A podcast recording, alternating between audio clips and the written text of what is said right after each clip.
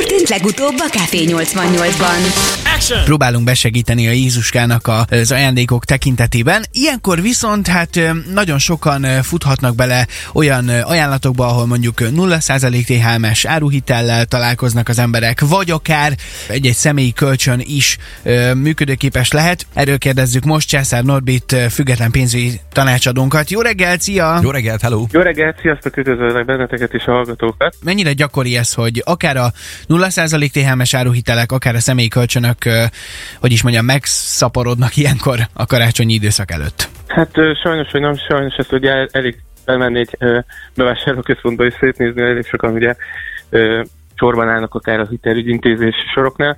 Abszolút előfordul, igen. Kell, hogy így mondjuk, hogy ez rossz dolog, vagy nem rossz dolog? Visszavezethető kérdés oda, amikor múltkor is már beszéltünk itt a pénzügyi tudatosságról, vagy a költségcsökkentésről, a, a költségeinkről, mire költünk. Ugye itt is előfordul az az oldal, hogy valamire szükségünk van, vagy va- valamire vágyunk. Tehát, hogyha mondjuk valakinek a munkaeszköze egy telefon megvásárlása, az mondjuk lehet egy szükséglet, ugye? Abból is ugye nem muszáj legújabbat megvenni, de hogyha mondjuk venni szeretnék egy tévét, hogy a VB döntőt még megnézzem, akkor ez ugye lehet, hogy csak egy vágy. Na hát Marcinak szerintem az is szükséglet, de egyébként most ezt tegyük félre talán.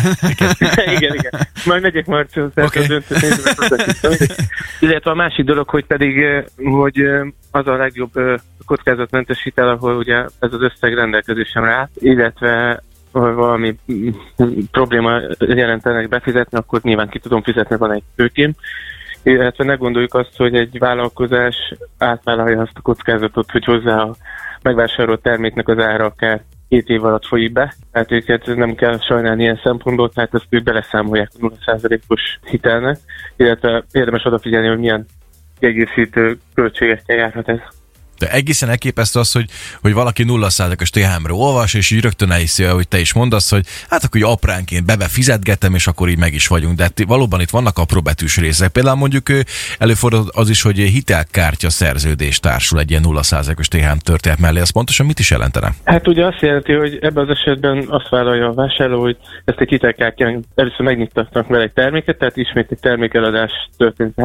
Itt nyilván a forgalmazó, az eladó az ár és egy részét megosztja a hitelezővel. A hitelezőnek viszont plusz haszna még az lesz, hogy lesz egy olyan ügyfél, aki még egy hitellel is rendelkezik nála, egy hitelkártyával, ami valószínűleg nem áll meg itt az egyetlen egy készülék vásárlásánál, tehát további lehetőséget ad arra, hogy további haszna legyen a hitelintézetnek is. Jó, de bocsánat, itt álljunk meg egy másodpercre, azért létezik ilyen megoldás, nem? Tehát, sőt, ezt én ki kell, hogy jelentsem. Létezik olyan megoldás, hogy te 0% THM-mel befizetgeted a telefonnak a vételárát, most csak mondtam egy példát, és ezen felül más nem kell fizetni.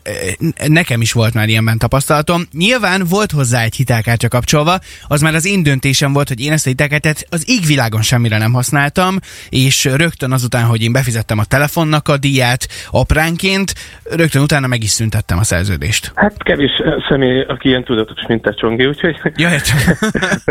De hogy van Amúgy ilyen megoldás erre azért. appellálnak. Persze, hogy van, meg nincs olyan hogy rossz, nem mindegyik hitel rossz, így akartam mondani, Uh-huh. hanem meg kell nézni a körülményeket, hogy jelenleg megtehetem ezt a vásárlást. Tehát sokszor ugye a hitellel olyan dolgot vásárolunk meg, amit csak a jövőben tudnánk jobb esetben megvenni, de lehet, hogy a jövőben sem. Ezért előre hozok egy olyan vásárlást, ami, amit lehet, hogy meg sem engedhettem volna magamnak.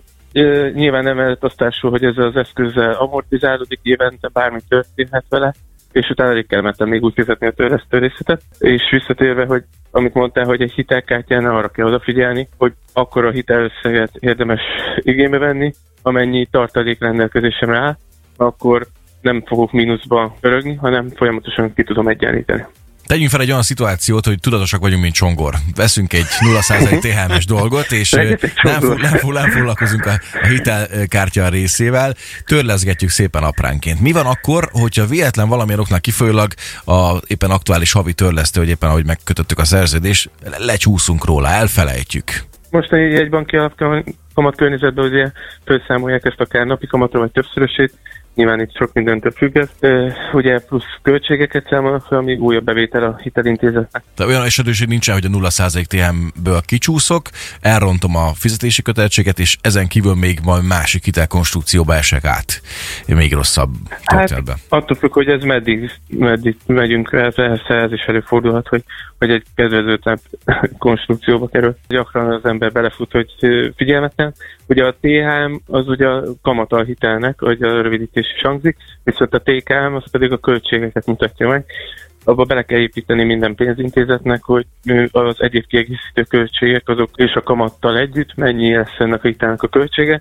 Ezt kell figyelni, hogy, hogy ez legyen minél kevesebb, és amit megvásárolok, az akár, hogyha még pénzt is hoz, vagy szükséget, mert mondjuk elromlott a hűtő, vagy a mosógép, akkor nyilván itt már összetevődik olyan több tényezős dolog, ami miatt azt mondom, hogy nyilván nincs más választása, nincs tartalék az embernek, akkor nincs más megoldás. Café 88! Café 88. A legszegedibb ébresztő. Szécsi Marcival és Tálos Péter Csongorral.